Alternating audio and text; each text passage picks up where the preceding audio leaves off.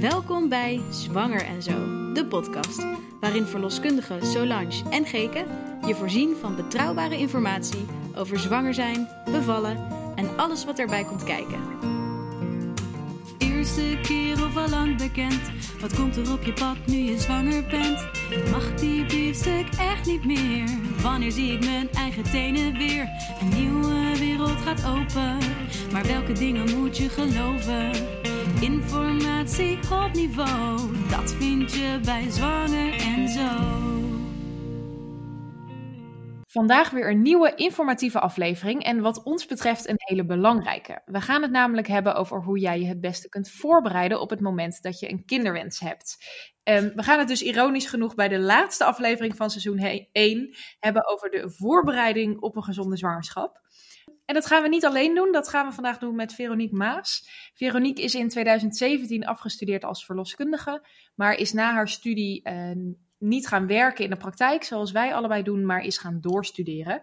En momenteel is zij bezig met haar promotieonderzoek, wat gericht is op preconceptiezorg. Het woord zegt het al, preconceptie, dus voor de bevruchting. Dus de zorg voordat je zwanger wordt. Want wist jij dat verloskundigen ook zo'n preconceptie-spreekuur aanbieden, ook wel vaak kinderwensspreekuur genoemd? Maar tot op heden wordt daar helaas nog weinig gebruik van gemaakt. Sol, heb jij vaak mensen op je spreekuur voor een preconceptieconsult, voor een kinderwensconsult? Nee, heel weinig eigenlijk. Ik merk wel dat er iets meer veranderingen in komt, omdat um, verloskundigen ook veel spiralen plaatsen, maar ook spiralen verwijderen.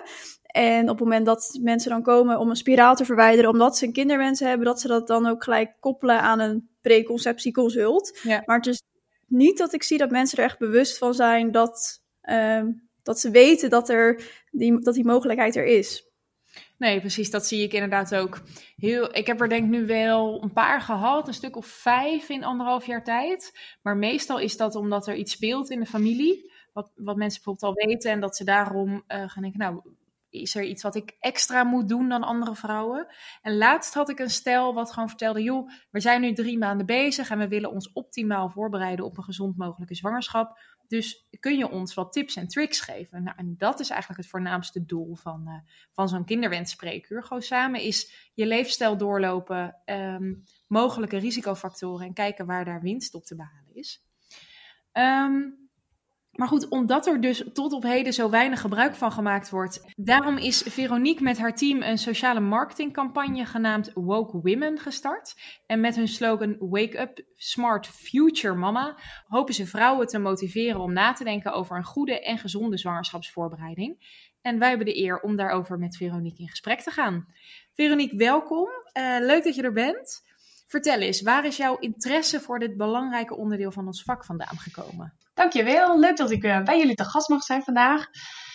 De interesse over dit vakgebied is eigenlijk al een tijdje geleden begonnen. Tijdens mijn opleiding vond ik altijd het aspect leefstijl al erg interessant. Ik vroeg me altijd af, als mensen rookten, waarom roken ze nou precies? Terwijl ze eigenlijk weten dat dat niet goed is voor haarzelf en voor haar kindje. Heeft dat dan te maken met dingen als gewoonte of verslaving of gebrek aan motivatie? Dat interesseerde me eigenlijk altijd wel heel erg. En tijdens de opleiding wist ik al dat ik niet zoals jullie inderdaad wel praktiseren als verloskundige. Uh, en dat ik me meer op deze dingen zou willen focussen in de wetenschap. Dus ben ik een master gaan doen in gezondheidsbevordering. Uh, en toen kwam deze leuke vacature op mijn pad. Uh, waarbij dus de combinatie van zowel gezondheidsbevordering als verloskunde heel mooi gecombineerd wordt. Ja, leuk. nou, daar willen we natuurlijk van alles meer over weten. Over jou, over het onderzoek en over het belang van preconceptiezorg. Maar zoals jullie van ons gewend zijn, gaan we eerst naar het vragenvuur. In één minuut de antwoorden op de belangrijkste vragen van het onderwerp van vandaag. Dit is het Vragenvuur. Veronique, wat is het belang van goed zwanger worden? Door je beter op de zwangerschap voor te bereiden, kun je de kans op complicaties in een zwangerschap verkleinen en zorgen voor een zo optimaal mogelijke start voor jouw kind. Kun je kort de 10 checkpoints noemen voor gezond zwanger worden? Dat kan, hier komen ze. Start vier weken voor de bevruchting met foliumzuur. Stop met roken. Check op erfelijke ziektes in de familie. Let op gezonde voeding. Geen alcohol meer. Zijn er dingen waarop je moet letten naar aanleiding van de vorige zwangerschap? Pas op voor te veel stress. Blijf sporten en bewegen. Wees alert op risico's op het werk. En tot slot, check of je jouw medicijnen moet aanpassen. We gaan straks op een paar checkpoints gaan we dieper op in. Maar eerst, wat houdt het Woke Women project in? Met het Woke Women project proberen we met een mediacampagne in zes regio's in Nederland toekomstige ouders beter te laten voorbereiden op de zwangerschap. En hoe bereik je vrouwen die je wilt bereiken? Lastige vraag. Door veel samen te werken, denken wij, en vrouwen op veel verschillende manieren te benaderen. En als laatste, hoe betrek je de partner in preconceptioneel gedrag? Partners ontvangen zwangerschapsgerelateerde informatie vaak via de vrouw. Dus wij proberen eigenlijk vrouwen meer te mobiliseren om hun partners ook hierbij te betrekken. Oké, duidelijk. Uh, nou, we zeiden het net al, we gaan die 10 checkpoints niet allemaal langs, maar we gaan er een paar langs uh, uh, die we eigenlijk belangrijk vinden om te bespreken. Maar eerst even voordat we daar verder op ingaan. Hoe komt het nou eigenlijk dat veel mensen in Nederland niet afweten van zo'n preconceptieconsult of zo'n kinderwensspreekuur bij verloskundigen? Klopt, ja. Hier doen we eigenlijk al een tijdje onderzoek naar. Hier zijn we namelijk zelf ook heel benieuwd naar. We zien hier namelijk heel veel belang in van het feit dat vrouwen zich wat beter voorbereiden op de zwangerschap. En het blijkt eigenlijk dat dat voornamelijk voorkomt omdat het woord preconceptiezorg niet echt aanspreekt. Heel veel vrouwen kennen het al niet. Het is een best wel medische term. Um, er zit best wel een taboe op. Het feit om dat onderling bij vriendinnen te bespreken. Uh, er zit natuurlijk sowieso een beetje een taboe op het niet zwanger kunnen worden en onvruchtbaar zijn. Uh, miskraam wordt natuurlijk ook weinig over gesproken. Dus ik kan me goed voorstellen dat je niet snel in je vriendinnengroep zou zeggen: hey, ben jij van plan om binnen nu en een jaar zwanger te worden? En weet jij al wat foliumzuur is, bijvoorbeeld? Mm. Veel aanstaande ouders weten dus ook niet echt dat het bestaat. En tot slot worden ook vaak de eigen risico's erg onderschat. Ze vinden een kinderwens vaak wel heel belangrijk, maar denken dat het vooral van belang is voor bijvoorbeeld de buurvrouw die nog rookt, of de zus die heel veel alcohol drinkt of medicijnen gebruikt. Maar ze denken vaak dat ze zelf gezond genoeg zijn eigenlijk en dat het niet voor hen voor belang is. Ja, en toch zie je ook wel, vind ik, dat mensen eerder dan naar een huisarts gaan dan naar een verloskundige. Terwijl juist een verloskundige het mooie is dat je natuurlijk een traject kan beginnen van al helemaal begin tot het einde. En dat allemaal bij de verloskundige. Ja, dat klopt. Ja, zeker voor iemand uh, die zwanger wil worden voor de eerste keer. Zijn natuurlijk helemaal niet bekend met de hele verloskundige wereld, de verloskundige praktijk. Dat dat eigenlijk net als de huisarts ook gewoon eerste lijn zorg is. En dat je daar gewoon een afspraak bij kan maken. Ja. Maar zoals je net ook al zei in, in de introductie, door de anticonceptie, dat verloskundigen dat ook meer mogen doen, zien wij daar zelf ook wel een beetje een verandering in komen. Ja. En we hopen dat dat natuurlijk het cirkeltje weer rondbrengt. Hè? Dus hè, zodra je natuurlijk die spiraal er dan uithaalt weer, dat je ook eens kan zeggen van hé, hey, uh, je bent nu weer vruchtbaar, weet je dat er dingen zijn die je kan doen als je ooit een keer zwanger wil worden. Ja, ja. Want als je daarover nadenkt, dan is het natuurlijk best bijzonder dat je voor je, je eerste anticonceptie eigenlijk vaak naar de huisarts gaat. Als nou, een meisje van 15, 16 was ik zelf, geloof ik. Um, kinderwens, ja, daar wordt eigenlijk niet over gesproken. Dat, als je zwanger mag worden, dan ga je naar een verloskundige. Um, misschien ook nog voor je anticonceptie, dat zie je steeds meer opkomen. En als je dan overgangsklachten hebt, dan ga je naar de huisarts of misschien zelfs naar de gynaecoloog. En moet er altijd wel een beetje om lachen, want uh, mijn nicht is dan in uh, Oostenrijk zwanger. En daar hebben ze gewoon één vrouwenarts. En die bestrijkt dit hele, dit hele gebied van zorg, zeg maar. Die weet je gewoon, voor, bij die persoon of die kliniek is dat dan uh, in dat geval. Um, daar kom ik gewoon van begin tot eind voor al mijn vrouwelijke klachten, kwaaltjes, vragen. En ik kan me voorstellen dat zoiets als een kinderwens dan ook veel eerder ter sprake komt of dat je daar veel logischer informatie over moet geven. Nu ligt de drempel misschien ook wel gewoon te hoog. Ja, zeker. Dat voorbeeld wat je inderdaad beschrijft zie je in meer landen. In Duitsland heb je bijvoorbeeld ook je eigen gynaecoloog, waar je inderdaad voor dit soort dingen overal naartoe kan gaan ja, dat zou natuurlijk helemaal het einde zijn als we uiteindelijk echt een vrouwenarts hebben die uh, inderdaad de zorg kan leveren vanaf de menstruele cyclus uh, tot helemaal tot de overgang en daarna. Vrouwenlichaam is heel anders dan een mannenlichaam, reageert heel anders op medicijnen bijvoorbeeld.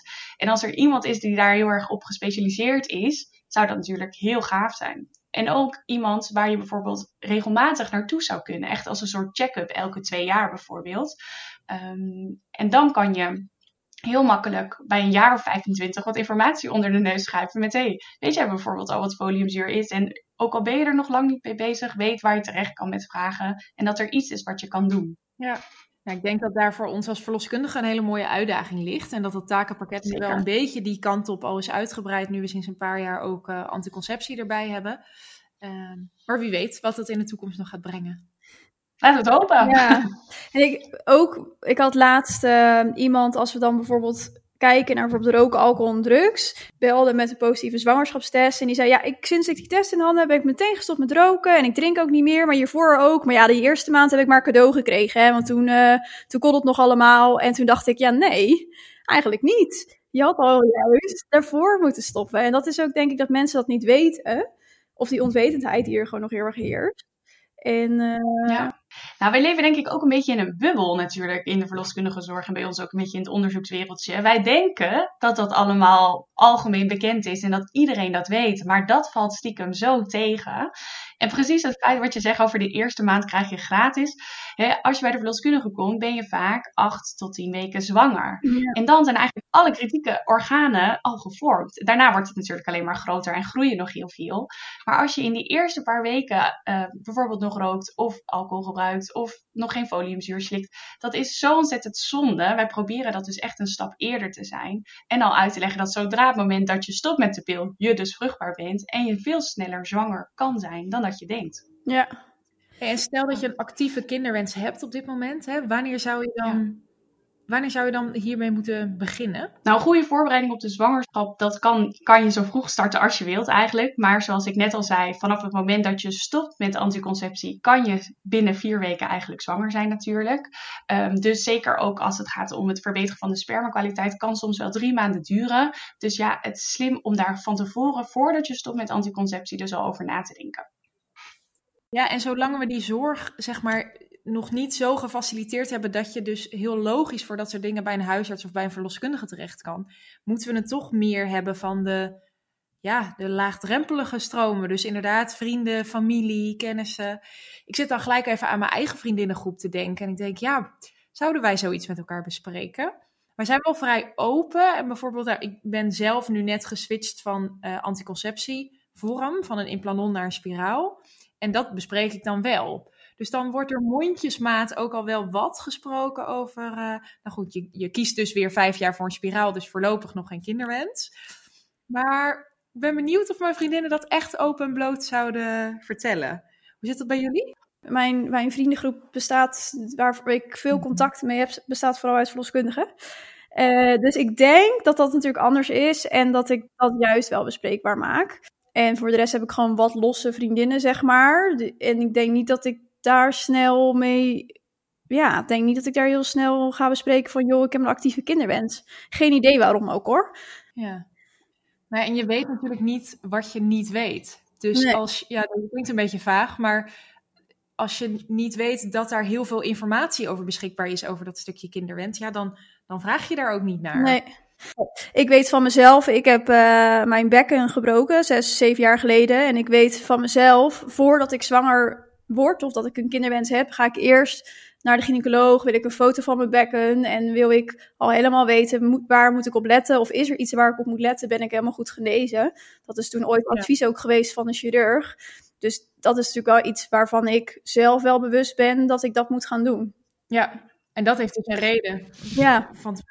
Ja. Ja, dat is iets wat je inderdaad, iets wat gebeurd is, waar je dat aan relateert automatisch. Van hé, als ik dat ooit een keer weet, wil, ja. Weet ik wat ik moet doen. Maar ik denk dat bijvoorbeeld in mijn vriendinnengroep dat er heel veel verrassingjes zijn. Dat er heel veel mensen zeggen, oh, moest eens weten, ik ben ook zwanger. En dat je denkt, oh wacht, ik heb mijn moment eigenlijk gemist om haar hierover meer te kunnen vertellen. En ik denk dat dat in heel veel uh, dingen heel veel vriendengroepen zo plaatsvindt. Dat het juist heel leuk is om te delen als je zwanger bent. Uh, maar die fase daarvoor of hoe lang je al bezig bent, dat wordt eigenlijk nauwelijks gedeeld. Nee, nee. Nou, goed idee om dat wat meer te doen. Ja, lekker out of the blue. Maar ja, dan heb je het, maar, heb je het ijs maar gebroken. En gebruik deze aflevering wellicht als, uh, als leidraad. Want laten we eens kijken naar die uh, 10 checkpoints. Of een paar van die 10 checkpoints die jullie met het Woke Women project hebben aangestipt. We hadden het er net al over. Laten we beginnen met intoxicaties, roken, alcohol, drugs. Waarom is het nou zo belangrijk om daarmee te stoppen voordat je een actieve kinderwens hebt?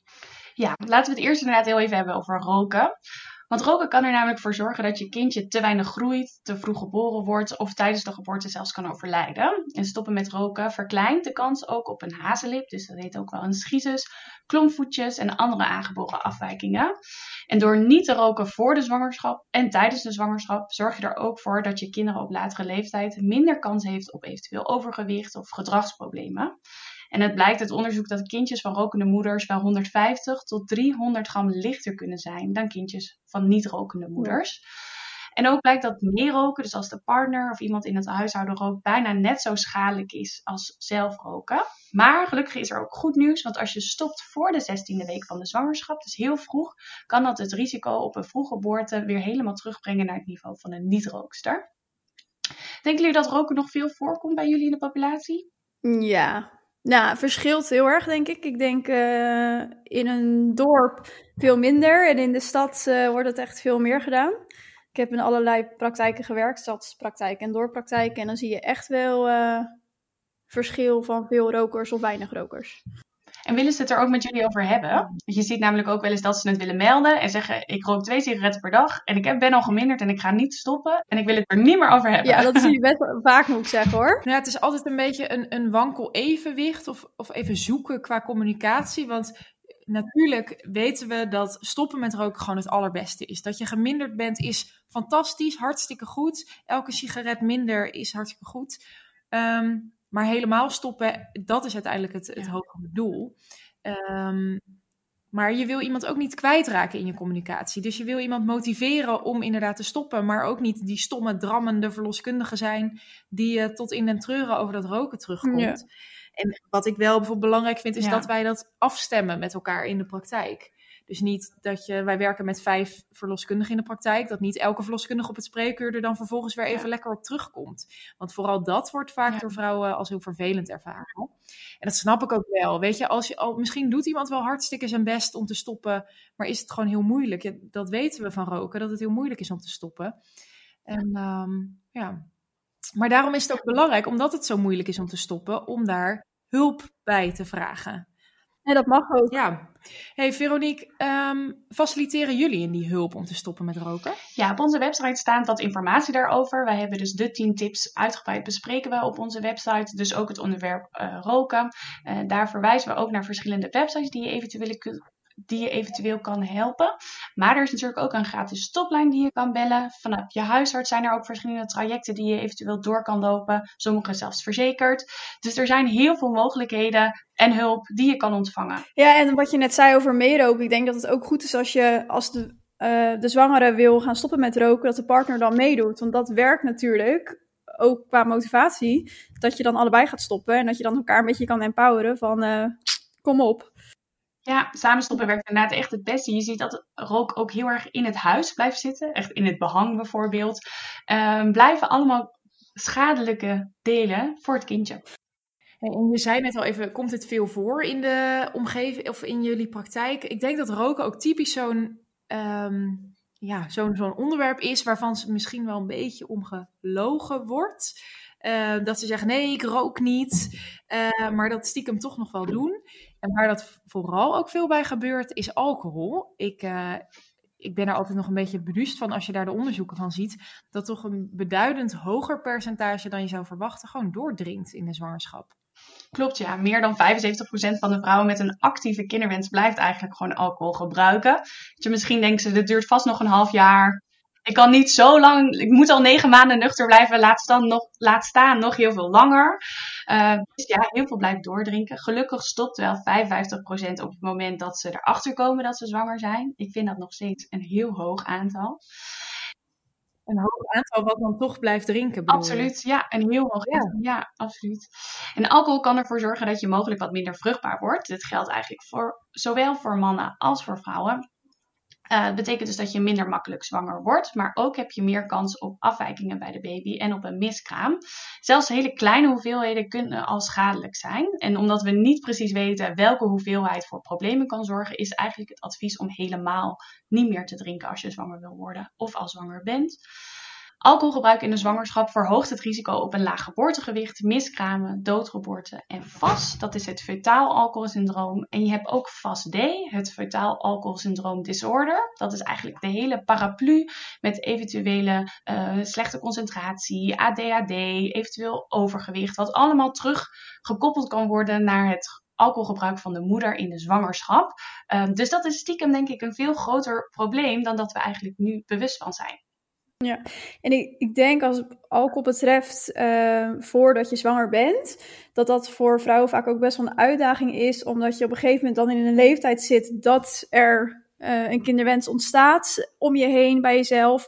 En dat ze dan vaak het gevoel hebben um, dat er op gelet wordt dat ze op een feestje geen alcohol nemen. Of dat ze weer, soms heb je ook eens mensen zeggen, oh ben je zwanger? En dat, dat vrouwen dat juist heel erg een uitdaging vinden om daarover in gesprek te gaan of het uit te spreken. Misschien maak je het jezelf juist wel makkelijker op het moment dat je zegt, nee ik drink niet, want we hebben een actieve kinderwens. Weet je, dan maakt het niet meer uit of je niet meer drinkt vanwege die actieve kinderwens. Of dat je stiekem toch al in de eerste weken van zo'n zwangerschap zit. Dat, uh, en het is ook net zo belangrijk, die eerste weken. Een heel sociaal aspect, hè? Met vrienden, ook we hebben het wel eens onderzoek gedaan bij mannen. Heb ik wel gevraagd, aan alle mannen heb ik gevraagd: zou je ooit tegen je vrienden zeggen: hè, doe mij maar geen biertje, want ik heb een actieve kinderwens? Nou, ze keken me aan of dat ze vuur zagen branden. Nee, natuurlijk niet. En ben je gek geworden? En, uh, of ze zeiden: uh, ik zou het wel kunnen of durven, maar ik doe het eigenlijk niet. Dus meer van, hè, ik kan dat, ik zou het best kunnen doen, maar mm, daar komt in mijn vriendengroep is dat nee, valt niet zo goed. En wat doet alcohol eigenlijk op de vruchtbaarheid van een man? Ja, bij de man kan alcoholgebruik zorgen voor zowel erectiestoornissen als libidoverlies, maar, zo, maar over het algemeen vermindert het heel erg de zaadkwaliteit. En wat ik net al zei, um, één dag voor de conceptie stoppen met het gebruik van alcohol bij een man zet niet heel veel zoden aan de dijk. Maar inderdaad, dan zal het iets moeten zijn van drie maanden van tevoren stoppen met alcohol om de spermakwaliteit te verbeteren. En met betrekking tot uh, alcohol in de zwangerschap, ik ben echt zo'n naïeve verloskundige geweest. Een tijd dat ik dacht, oh, dat doet toch niemand? Iedereen stopt toch? Of, uh, en toen zei mijn schoonzus, ja, ik heb echt heel veel vrienden die nog steeds gewoon af en toe één glaasje drinken. En ik schrok er echt van, want ik dacht, hè? Ja. Is dat echt zo? Ja, dat is echt zo. Ja. ja, en dat komt ook uit onderzoeken dat veel hoogopgeleide vrouwen ehm, toch af en toe door blijven drinken. Maar daarin willen wij ook benadrukken, doe het gewoon niet. Absoluut, zeker. Ja, ik kom misschien nog een beetje van het advies van vroeger. Een glaasje rode wijn kan geen kwaad. Maar dat is helemaal, uh, dat, hebben we, dat is niet te onderbouwen. Dus dat is niet waar. Dus we hopen ook dat, dat, uh, dat die gedachte een beetje de wereld uitgaat. En dan komen we van roken, alcohol automatisch eigenlijk een beetje bij drugs. Nou, ik hoop dat we die niet uit hoeven te leggen, maar drugsgebruik in de zwangerschap is natuurlijk een absoluut not done, maar ook bij een actieve kinderwens, hè? Dat klopt, zeker. Als je gewend bent om bijvoorbeeld te blowen of af en toe wat ecstasy te nemen, um, is het belangrijk om echt te stoppen. Ook voor de zwangerschap, maar natuurlijk ook tijdens de zwangerschap. Drugsgebruik kan namelijk zorgen voor ernstige afwijkingen bij het kindje. En bijvoorbeeld iets wat je niet zou verwachten, maar ecstasy gebruik komt bijvoorbeeld vier keer vaker voor bij hoogopgeleide dan bij laagopgeleide. Uh, en cannabis bij mannen kan leiden tot verminderde kwaliteit van het sperma. Ja, dus stiekem komt het drugsgebruik ook wel heel vaak voor. En vind ik het altijd interessant hoe jullie uitvragen aan de mensen hoe ze, uh, of ze drugs gebruiken. Hoe doe ik dat? Ja, het is altijd ook een beetje het rijtje van de roken, alcohol en dan komt drugs. En ik vraag volgens mij altijd iets, ja, ik weet het niet eens van, um, um, heb je wel eens drugs gebruikt? En dan, ja, hoe lang geleden? Um, en gebruik je het momenteel nog steeds? En ik vraag het ook altijd aan de partner, want dat vind ik nog wel, dat partners nog heel vaak blowen bijvoorbeeld. En dat je daarin nog wel een stuk voorlichting kan, uh, kan geven. Ja. ja, en weet je, met alcohol, maar bijvoorbeeld zeker ook met drugs, is het uh, zeg ik ook altijd, weet je, je bent nu zwanger. Dus als er iets aan, het kan zijn dat er iets aan de hand is en dat je in staat moet zijn om te kunnen rijden. Gewoon, het gaat natuurlijk heel erg over je gezondheid, maar het gaat ook over zulke soort praktische dingen. Het is natuurlijk niet te verkopen aan de verloskundige van ja, mijn vrouw moet naar het ziekenhuis, maar sorry, uh, ik ben half stoned. Ja, ik kan me goed voorstellen. Nou, wat, ik vroeg het eigenlijk juist omdat het, wat jij inderdaad vraagt, heb je ooit een keer drugs gebruikt, is een goede vraag. Kan natuurlijk ook heel lang geleden zijn. En ik denk dat, nou, misschien 95% van de Nederlanders wel ja antwoordt op die vraag. Maar er wordt ook stiekem nog best wel vaak in de praktijk gevraagd: gebruik je drugs? Nou, dan zal natuurlijk de meerderheid zeggen: nee, joh, dat doe ik nooit. Maar als je inderdaad vraagt, heb je bijvoorbeeld het afgelopen jaar wel eens drugs gebruikt? Dan zal je misschien wel hele andere antwoorden ontvangen. Uh, wat voor jou misschien heel goed is om te weten. Goed, dan komen we vanaf roken, alcohol, drugs uh, over op het volgende puntje, namelijk stress, angst of spanning. Ik denk in deze tijd een heel actueel onderwerp. Wat, uh, wat kan stress voor invloed hebben op zwanger worden? Langdurige stress beïnvloedt de vruchtbaarheid van zowel de man als de vrouw. Het zorgt namelijk voor te hoog cortisol, dat is een hormoon in het lichaam, en dat kan veel verschillende processen in het lichaam verstoren. Als je zwanger bent, of misschien dat zelfs nog niet eens weet, is veel stress niet goed. Je kan bijvoorbeeld een te hoge bloeddruk daarvan krijgen. Het is niet goed voor jouw gezondheid tijdens de zwangerschap, maar ook niet voor het ongeboren kind. Laat ook weten als je dus op consult bent of je eventueel medicijnen gebruikt. Denk bijvoorbeeld aan antidepressiva. Voordat je zwanger wordt, moet al gekeken worden of je dit medicijn wel mag slikken. Maar eventueel kan je ook kijken naar het wijzigen van de medicatie, van de hoeveelheid of van de dosis. Of het kan ook zijn dat je um, in afstemming met de psycholoog of psychiater gaat kijken of dat je de medicatie eventueel zou kunnen afbouwen. En ik denk ook daarin dat het heel belangrijk is als je bijvoorbeeld, hè, of je bent gevoelig voor depressie of je hebt vaak heel veel last van emotionele schommelingen, dat het juist goed is om op tijd bij je verloskundige aan te melden dat je een kinderwens hebt. Want juist in het begin zie je ineens dat die hormonen echt alle kanten op gaan. En kun je soms ook gevoelens ervaren dat je niet blij bent met de zwangerschap, terwijl je dat wel bent. Maar het voelt gewoon niet zo. Of er komen hele andere gevoelens naar boven. En dat is juist heel goed om dan al bespreekbaar te maken. Want hoe meer je het dan gaat opkroppen, als het ware, en je komt pas later in zo'n zwangerschapstraject, uh, hoe heftiger het soms ook kan zijn. Ja. En dat is natuurlijk wel fijn om te ondervangen. en weet absoluut dat dit een heel veel voorkomend iets is. Ik zeg altijd, psychische gezondheid is iets wat je altijd uitvraagt bij de intake. Um, maar bij iedereen zeg ik altijd, weet dat de zwangerschap gewoon een gekke tijd is. In je lichaam, ook buiten je lichaam, gebeurt er van alles. Je hormonen schieten alle kanten op. Het is echt niet gek als je daar, uh, al ben je de meest nuchtere, stabiele persoon op aarde, dat die zwangerschap je toch een beetje doet wiebelen. En uh, weet dat veel vrouwen daar last van hebben en dat je dat altijd met een verloskundige bespreekbaar kan maken. Ja, zeker ook dat idee wat mensen vaak hebben van de roze wolk, hè? dat het allemaal geweldig en fantastisch moet zijn en dat het niet altijd zo voelt. Uh, en ik kan me ook heel goed voorstellen als je, naar, dat je, als je bijvoorbeeld een postpartum depressie hebt gehad, naar aanleiding tijdens de vorige zwangerschap, dat je wel met heel veel vragen zit hoe dat de huidige zwangerschap dan daaruit gaat komen te zien komt dat vaak nog een keer voor? Of zijn er dingen die ik al kan doen om dat te kunnen ondervangen? Ook dit soort dingen zijn goed om te bespreken in zo'n preconceptiezorgconsult. Ja, dat noem je denk ik wel een belangrijk ding, hè? die vorige zwangerschappen, wat we net al zeiden, dat we ook wilden bespreken. Uh, nou, dan is bijvoorbeeld zo'n postpartum depressie iets belangrijks, wat je bespreekbaar kan maken. Maar er zijn nog heel veel andere dingen. Zou je er een aantal van kunnen toelichten? Zeker. Het kan namelijk zo zijn dat in de vorige zwangerschap dat je bijvoorbeeld een suikerziekte hebt gehad, of een hoge bloeddruk, zwangerschapsvergiftiging, of je hebt bijvoorbeeld al verschillende miskramen gehad. Um, praat hier dan over met je verloskundige uh, tijdens een consult. Doe dat zeker dus ook al voordat je weer zwanger wil worden. Daar kan namelijk heel vroeg in de zwangerschap of zelfs daarvoor al onderzocht worden of dat er misschien een oorzaak te vinden is voor deze problemen. En soms is er een behandeling zoals uh, het gebruik van medicatie of veel meer echo's um, een mogelijkheid om in te zetten, maar dan wel vaak heel vroeg in de zwangerschap al.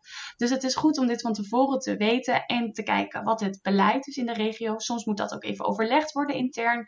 Um, dus het is fijn om hier heel vroeg bij te zijn.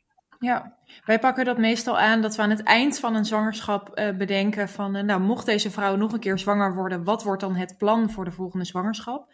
Maar stel dat je verhuist of uh, dat je naar een andere verloskundige praktijk wil, of, uh, is het wel goed om even te bespreken, inderdaad. Ja, en in sommige gevallen is het ook zo dat je volgende zwangerschap dan niet in de eerste lijn bij de verloskundige plaatsvindt, maar juist in de tweede lijn onder leiding van de gynaecoloog. Dat ziet het er ook heel anders voor je uit. Um, en dat is ook goed voor jouzelf om te weten wat betreft ja. de voorbereiding. En inderdaad, wat Geek zegt, mooi om dat in een kraambed bijvoorbeeld te bespreken. Of als je afsluit of op de nakontrole, als mensen op de nakontrole komen dat je dat wel mee ja. kan geven. Hoe reageren mensen dan als je dat na bijvoorbeeld de tiende dag van het kraambed al vertelt? Mijn ervaring is namelijk dat ze vaak helemaal zeggen: Nou, ik heb mijn handen vol aan de eerste. Dat is echt iets waar ik nog lang niet over nadenk. Maar het is wel wat je zegt voor ons een van de beste aanknopingsmomenten. Maar toch valt dat niet altijd helemaal goed. Wat is jullie ervaring daarmee? Nee, je ziet inderdaad dat soms zo'n nakontrole zes weken na de bevalling een logischer moment is om dat te bespreken dan uh, op dag 8 of dag 10 van het kraambed. Maar ja, soms staan vrouwen er ook wel voor open. Of ik zeg gewoon eventjes van, joh, uh, als je nadenkt over die volgende zwangerschap en je hebt daar vragen over, bel me dan eventjes. Dan um, lopen we dat nog even met elkaar door.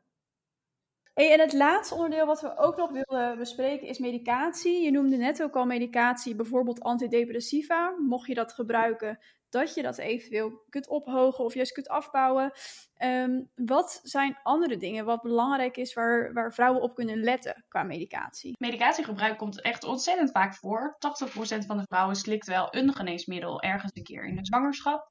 En van sommige medicijnen word je minder vruchtbaar. Dat betekent minder makkelijk zwanger. Maar andere medicijnen kunnen ook heel slecht zijn voor het ongeboren kind. Neem alleen de medicijnen die door de dokter zijn voorgeschreven. Laat je huisarts en je apotheker ook weten als je zwanger wil worden. Zij kunnen je dan helpen met het kijken naar de medicijnen welke je beter wel of niet kunt gebruiken. Soms kan de dokter namelijk een ander medicijn voorschrijven met dezelfde werking. Maar wel goed om te weten, stop nooit met eigen houtje met medicijnen. Uh, sommige medicijnen moeten ook worden aangepast aan het begin van de zwangerschap. Denk bijvoorbeeld aan astma-medicatie of medicatie voor je schildklier. En dat is dus ook, je kunt dat natuurlijk bij de verloskundige doen, maar vaak moeten we met dit soort dingen ook wel overleggen met een huisarts of een specialist.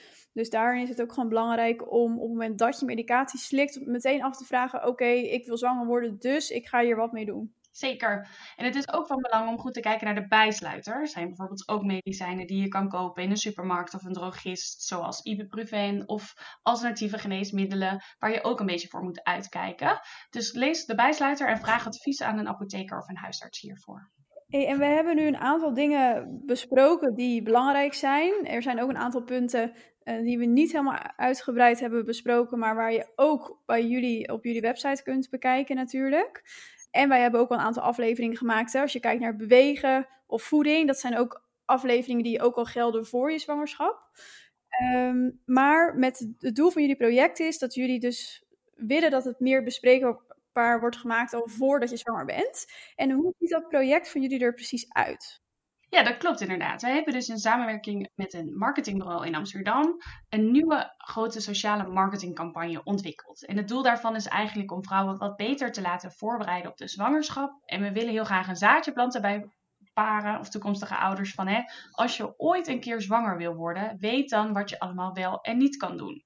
Ze willen zorgen voor meer bewustwording en toekomstige ouderparen uh, toeleiden tot betrouwbare informatie, maar ook naar zorgverleners waar ze terecht kunnen.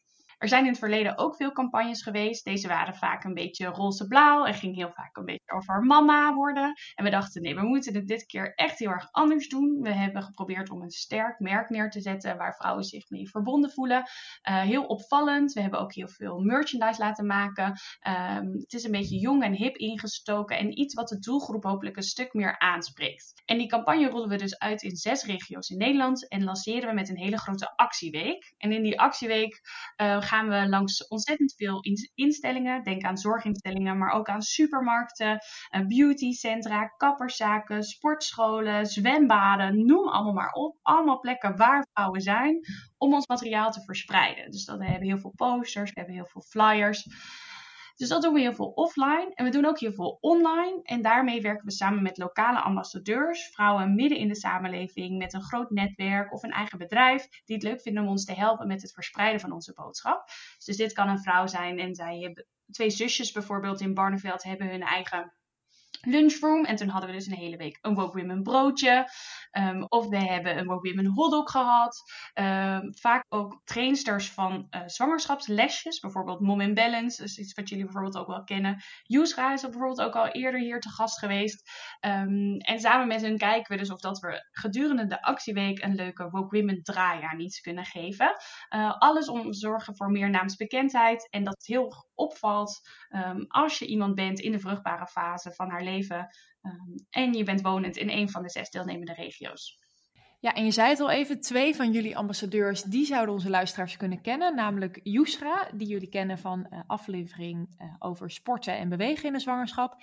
En natuurlijk Marlies, Marlies Koers, de schrijfster van het boek Dagboek van een verloskundige. Die uh, een van jullie ambassadrices is in Deventer. Ja, Marlies werkt inderdaad heel erg nou samen met ons. We kijken ook met veel zorgverleners hoe we nou vrouwen het beste kunnen verwijzen en aanspreken. En hoe we ervoor zorgen dat ze bij de juiste zorgverlener terecht kunnen. We maken een zogenaamde routekaart, waar eigenlijk precies op staat hoe maak je een kinderwens bespreekbaar, waar naartoe verwijs je en wat zijn handige tools en tips hiervoor. Nou, een ontzettend belangrijk project, denk ik. Dat kunnen wij als verloskundige alleen maar toejuichen.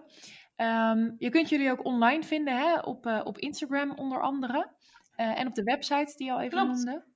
Ja, je kan ons het beste bereiken via onze website www.wokewomen.nl. Daar vind je dus ook de 10 tips voor als je ooit een keer zwanger wil worden. En als je ook graag wil weten wat wij allemaal doen met onze campagne, hoe dat eruit ziet, ook een kijkje achter de schermen, kan je ons het beste volgen via Instagram @wokewomennl. Uh, waar je ook ziet hoe we door de, dwars door alle regio's gaan en wat voor leuke samenwerkingen we doen. En ook waar je ons verder kan vinden. Um, en dan sluiten we natuurlijk nog af met de laatste tip. Veronique, wat is jouw laatste tip om deze aflevering af te sluiten? Mijn laatste tip, we hebben het er eigenlijk al een beetje over gehad, maar maak het eens bespreekbaar. Ook al is een zwangerschap iets waar je de komende jaren nog helemaal niet over nadenkt, vraag eens na bij je vriendinnen of je moeder of zij allemaal weten wat je allemaal kan doen voorafgaand aan een zwangerschap. Informeer jezelf. Dit kan bijvoorbeeld inderdaad via onze website. Of maak eens een afspraak bij een verloskundige bij jou in de buurt als je echt vragen hierover hebt. Dus ben jij of ken jij iemand met een kinderwens? Volg onze avonturen op onze Instagram via WokeWomenNL. Fijn dat je vandaag je informatie wilde delen, Veronique.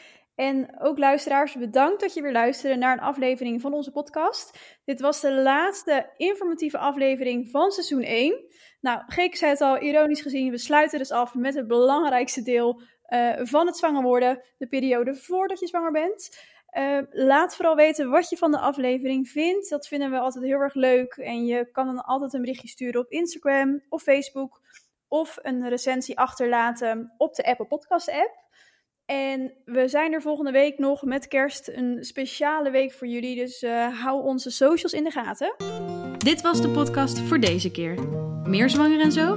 Je kunt ons volgen op Instagram, Facebook of onze website zwangerenzo, de podcast.nl. Tot de volgende keer!